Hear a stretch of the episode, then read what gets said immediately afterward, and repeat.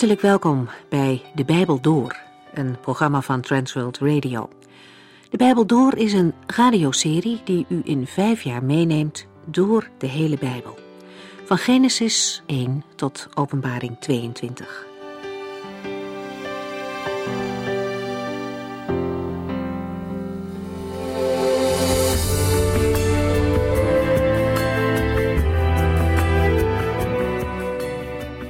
Vandaag lezen we de eerste verse uit Openbaring hoofdstuk 21. Een gedeelte dat al veel christenen heeft getroost. Het gaat over de tijd dat God alles nieuw zal maken. Een tijd dat er geen verdriet en ziekte meer zal zijn. Een tijd waarin dood en zonde voorgoed uitgebannen zijn. Daar mogen we naar uitkijken. Dat is de hoop van een christen. Er gaat nog veel gebeuren voordat het zover is, maar één ding is zeker: er komt een moment dat het zover is. De Heere God zal zijn belofte altijd vervullen. De vorige keer hebben we gesproken over de grote witte troon. Dat is de troon waarop God zelf zit om te oordelen. De mensen die voor hem verschijnen zijn alle overledenen die ongelovig waren. Het boek van het leven wordt wel geopend, maar dat dient alleen als bewijs dat niemand die voor die troon staat erin wordt genoemd. Het vonnis luidt dan ook dat deze mensen in de poel van het vuur gegooid moeten worden, net als de dood en het dodenrijk. God zelf spreekt dit vonnis uit en maakt de scheiding tussen gelovigen en ongelovigen voor de eeuwigheid definitief. Als we deze verse lezen, en ook in het licht van de rest van de Bijbel, dan kunnen we er niet omheen dat God genadig en rechtvaardig is. Zijn liefde voor mensen sluit niet uit dat hij oordelen zal over alle zonde en ongeloof. Hij wacht nog, omdat hij graag wil dat mensen behouden worden. Gods hart gaat uit naar mensen. Maar de gedachte dat God liefde is en dus niemand zal veroordelen, is een onbijbelse gedachte. Wie in de poel van vuur wordt gegooid, sterft als het ware voor de tweede keer. Na de lichamelijke dood volgt dan de eeuwige dood. Maar het is nog niet zo ver. Er is nog tijd om opnieuw geboren te worden en eeuwig leven te ontvangen.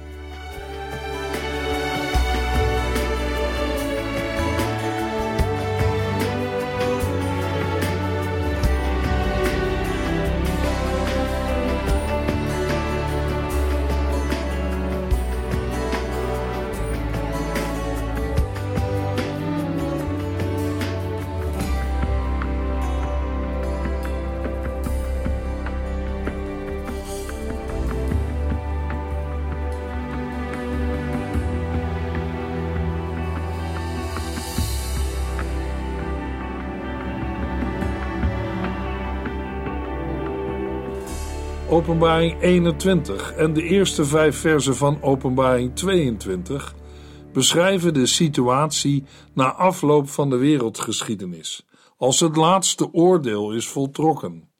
Al het oude is dan verdwenen. Johannes mag schrijven over de nieuwe dingen die de Heere maakt en doet.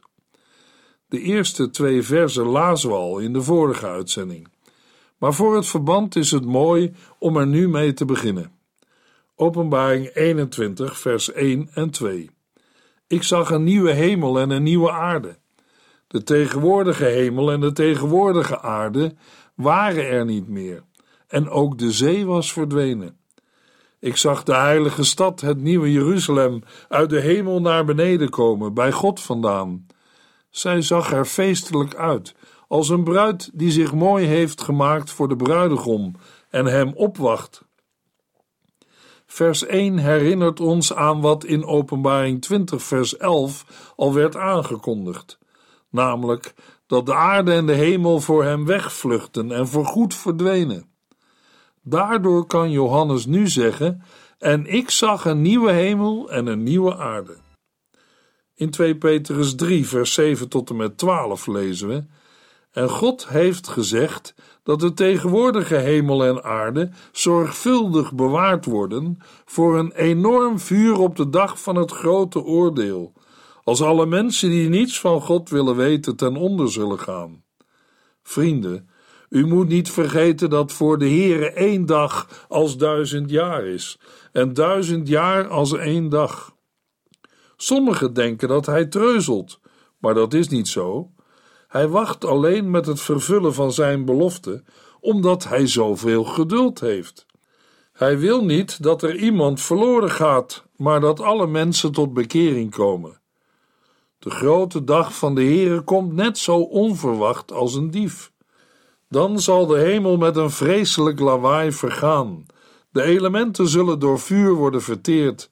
De aarde zal bloot komen te liggen en alles wat erop gebeurd is, zal aan het licht komen. Als u eraan denkt dat alles verteerd zal worden, hoe heilig en zuiver moet u dan wel leven? U moet vol verwachting naar die dag toeleven en eraan meewerken dat hij gauw komt. Op die dag zal de hemel door vuur verteerd worden en zullen de elementen door vlammen smelten. Maar voor de gelovigen gelden de woorden van 2 Petrus 3, vers 13 tot en met 15. Maar waar wij eigenlijk naar uitkijken, dat zijn de nieuwe hemel en de nieuwe aarde, die God beloofd heeft. Daar zal alles goed en rechtvaardig zijn. Terwijl u hierop wacht, vrienden, moet u uw best doen zo te leven dat er niets op u is aan te merken. Houd vrede met iedereen, zodat de Heere tevreden over u kan zijn als hij komt. En vergeet nooit waarom hij wacht. Hij geeft ons nog de tijd om andere mensen te vertellen dat Christus hen wil redden. Onze geliefde broeder Paulus heeft daarover in zijn vele brieven ook gesproken, naar de wijsheid die God hem gegeven heeft. Johannes schrijft in Openbaring 21, vers 1: Ik zag een nieuwe hemel en een nieuwe aarde.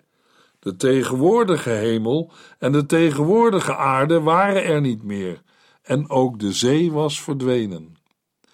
In vergelijking met andere Bijbelplaatsen, waar dezelfde woorden worden gebruikt, voegt Johannes in vers 1 toe: En ook de zee was verdwenen. Tijdens het Messiaanse vrederijk zal de zee nog blijven bestaan. Maar in de nieuwe schepping zal daarvan geen sprake meer zijn, omdat daar andere beginselen zullen gelden. Biologisch gezien zou zonder de zee geen leven denkbaar zijn op de aarde zoals wij die nu kennen. Maar op de nieuwe aarde zal de zee overbodig zijn. Tot negenmaal toe lezen we vanaf Openbaring 19, vers 11 de woorden: Ik zag. De woorden wijzen op een strikt chronologische volgorde. Voor hen die geloven dat we nu al in het duizendjarig vrederijk leven, is het belangrijk om de volgorde in het oog te houden. Wat ons in Openbaring 21 wordt getoond, is allereerst de wederkomst van de Heer Jezus, daarna het duizendjarig vrederijk en daarna het laatste oordeel en tenslotte de eeuwige heerlijkheid. In Openbaring 21, vers 1 en 2 vinden we de woorden: Ik zag voor de achtste en negende keer. In vers 2 voor de negende keer, waar we lazen: Ik zag de heilige stad, het nieuwe Jeruzalem, uit de hemel naar beneden komen, bij God vandaan. Zij zag er feestelijk uit, als een bruid die zich mooi heeft gemaakt voor de bruidegom en hem opwacht. Eigenlijk wordt er heel weinig verteld over de eeuwige heerlijkheid. Waarschijnlijk omdat wij ons van deze nieuwe schepping momenteel bijna niets kunnen voorstellen. Er zijn maar een paar versen in de Bijbel die er enig licht op werpen. In 1 Corinthiërs 15 vers 24 en 28 lezen we dat Christus het koningschap zal overdragen aan God de Vader.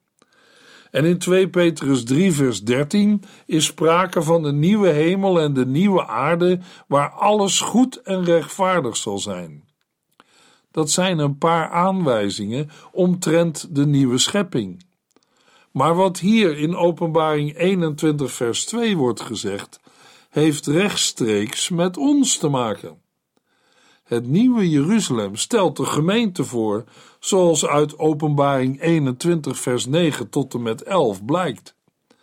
Vanaf vers 9 krijgen we een beschrijving van het Jeruzalem zoals ze zal zijn tijdens het duizendjarig Messiaanse vrederijk.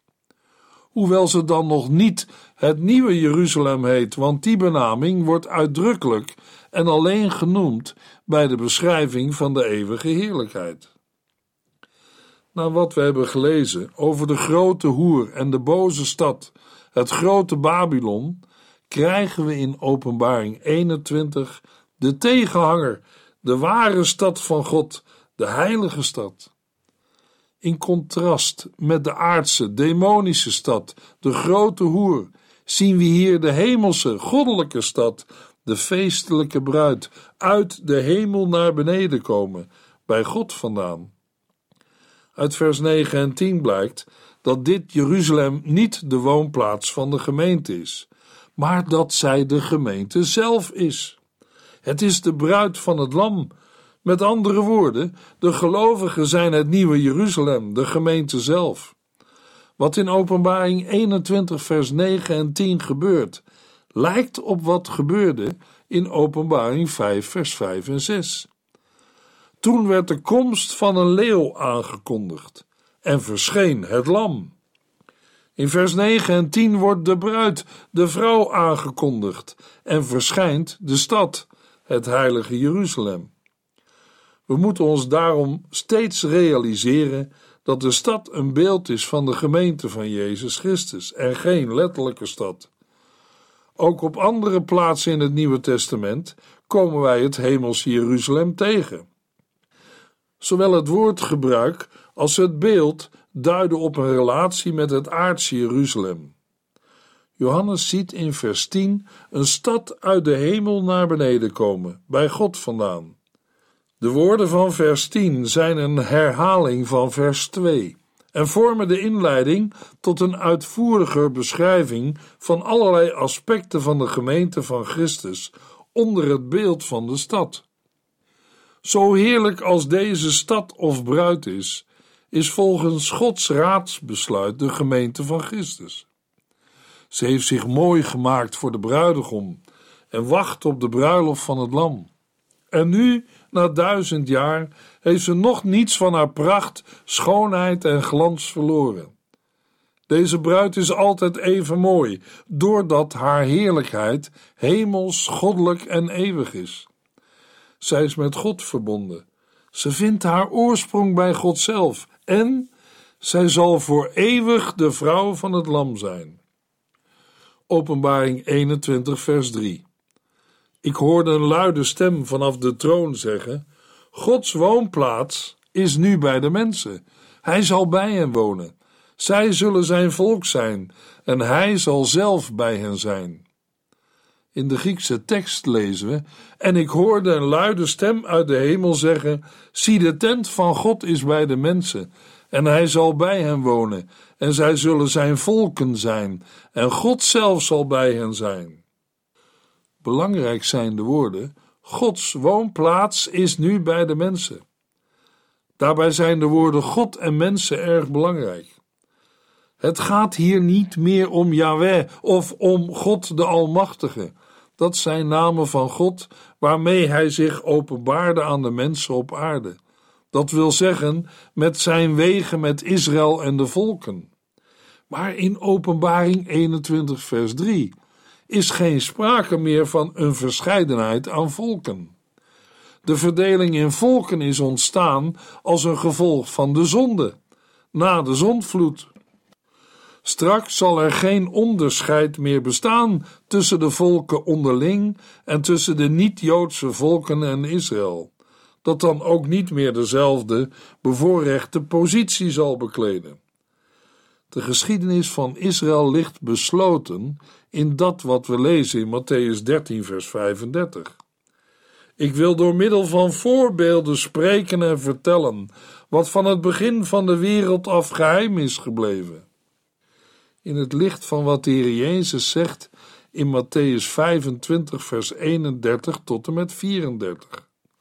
Wanneer ik, de mensenzoon, kom in mijn heerlijkheid met al de engelen, zal ik op mijn schitterende troon zitten. Alle volken zullen voor mij bijeen worden gebracht. Dan zal ik hen van elkaar scheiden, zoals een herder de schapen en de bokken scheidt. De schapen zal ik aan mijn rechterhand zetten en de bokken aan mijn linkerhand. Dan zal ik tegen de mensen aan mijn rechterhand zeggen: Kom, gezegende kinderen van mijn vader, u mag het koninkrijk binnengaan, dat van het begin van de wereld af voor u bestemd is. Alle aardse, tijdelijke verschillen zullen op de nieuwe aarde zijn verdwenen. Er zullen alleen nog mensen zijn, dat wil zeggen, gelovigen, afkomstig uit alle tijden, zonder onderscheid. We lazen in Openbaring 7, vers 9 tot en met 12. Daarna zag ik een ontelbare menigte mensen. Zij kwamen uit alle rassen, volken, stammen en taalgroepen. Zij stonden voor de troon en voor het lam, met witte kleren aan en palmtakken in de hand. Zij riepen luid: Onze redding komt van onze God die op de troon zit en van het lam. Alle engelen stonden om de troon, de ouderlingen en de vier levende wezens. Zij lieten zich voor de troon op de knieën vallen, met hun hoofd voorover en aanbaden God. Amen, zeiden zij. Alle lof, heerlijkheid, wijsheid en dank. Alle eer, macht en kracht is voor onze God, voor altijd en eeuwig. Amen.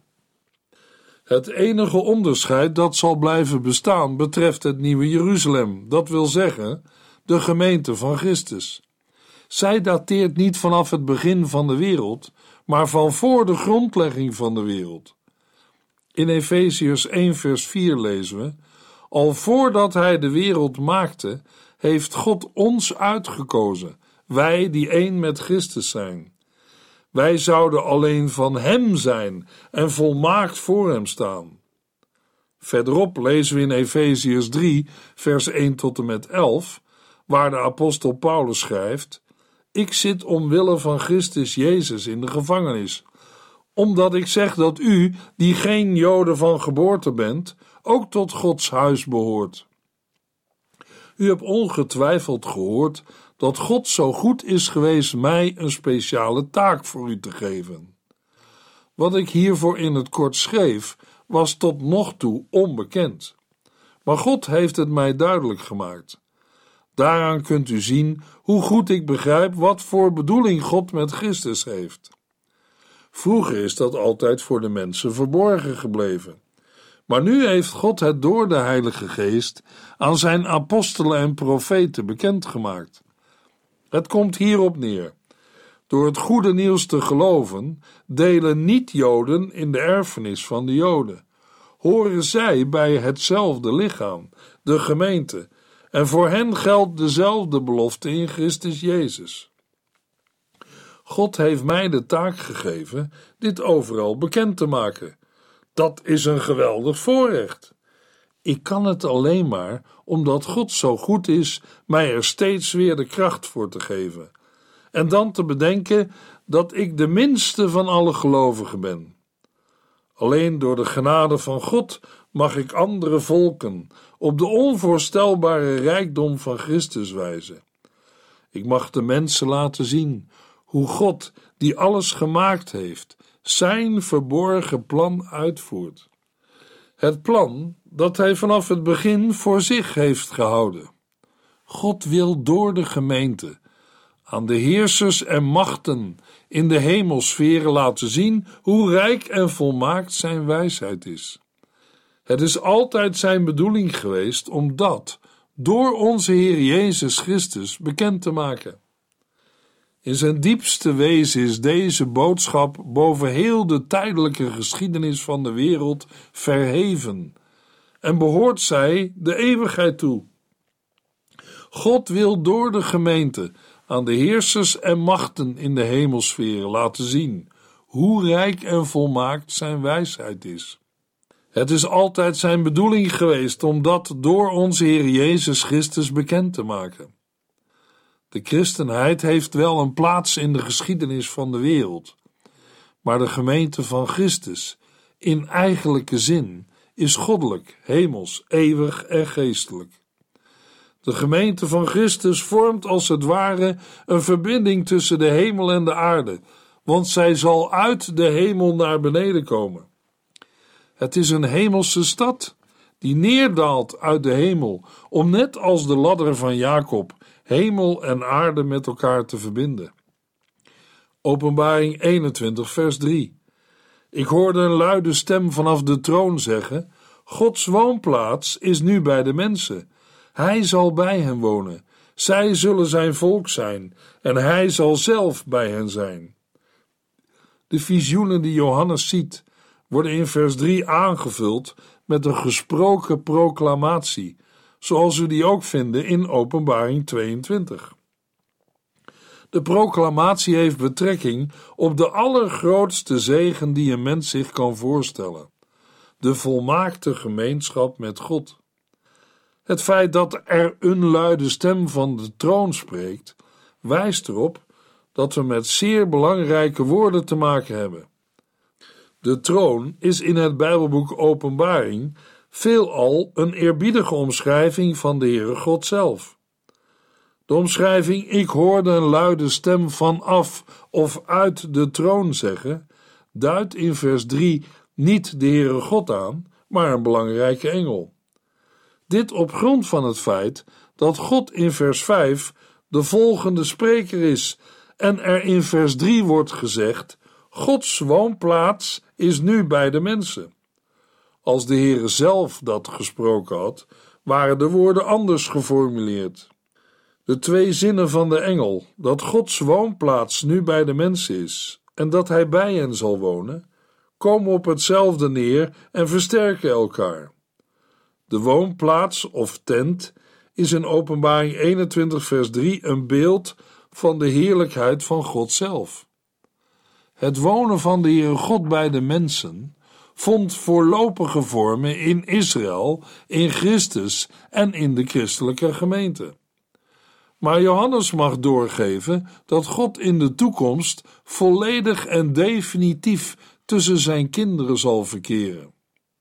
De aankondiging, de mensen zullen zijn volk zijn, betekent de definitieve vervulling van beloften uit de tijd van het oude verbond.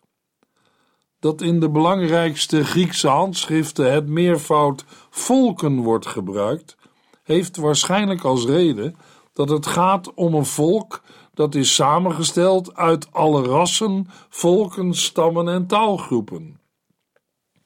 Met de woorden: Hij zal zelf bij hen zijn, of en God zelf zal bij hen en hun God zijn, wordt nogmaals de intieme relatie benadrukt die er zal zijn tussen God en de mensen. Deze woorden herinneren aan de naam Immanuel, God is met ons. Openbaring 21, vers 4. Hij zal alle tranen van hun ogen afwissen. Er zal geen dood meer zijn, geen verdriet, geen rouw of pijn, want die dingen horen bij de oude wereld, die voorbij is. De woorden in vers 4 worden, net als die in het vorige vers, gesproken door een belangrijke engel. Ook hier horen we allerlei geweldige beloften over de eeuwige zegen die God de gelovigen zal geven. Al deze zegeningen zullen de mensen zonder eigen inspanningen ontvangen.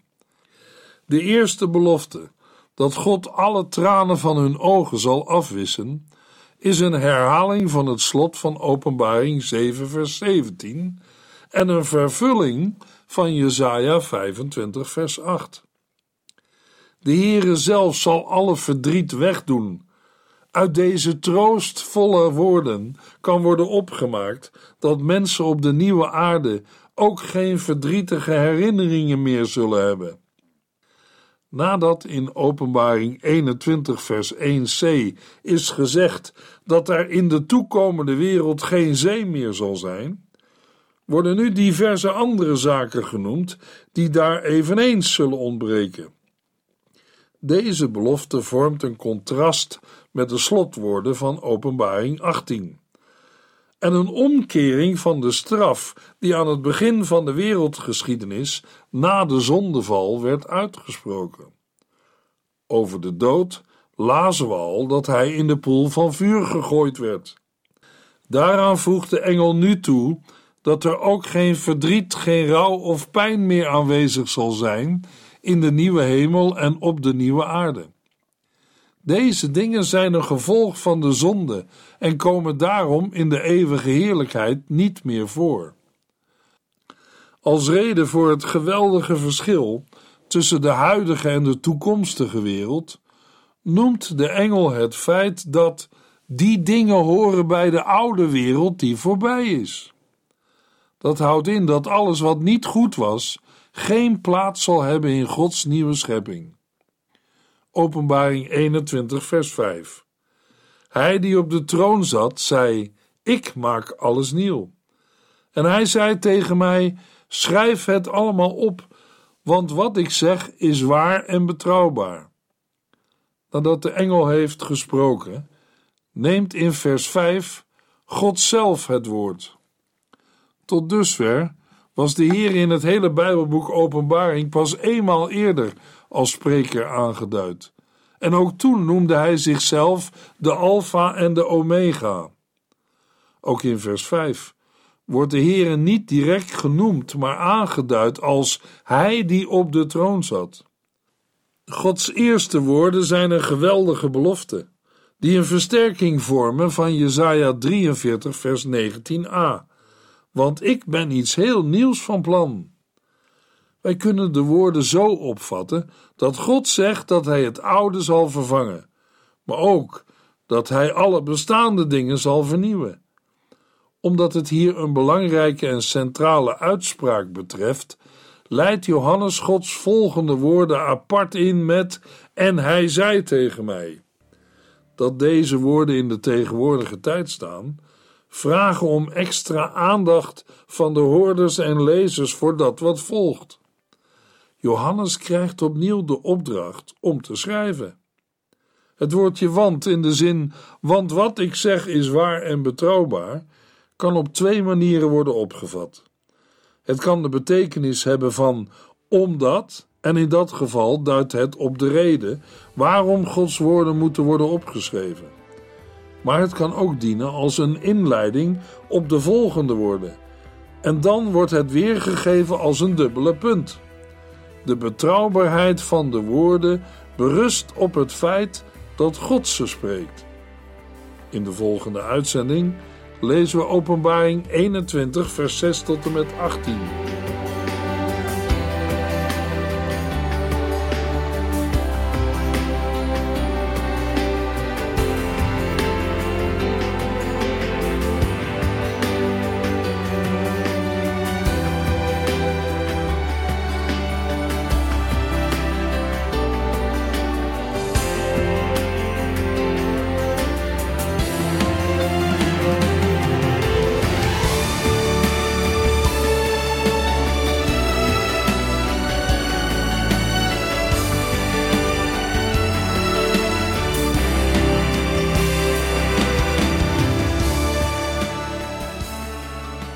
Sinds kort kunt u een USB-stick bestellen met alle uitzendingen en de teksten van de Bijbel door.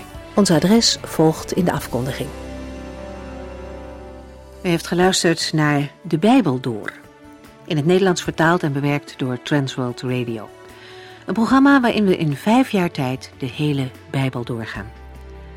Als u wilt reageren op deze uitzending of u heeft vragen, dan kunt u contact met ons opnemen. Tijdens kantooruren kunt u bellen op 0342 47 8432.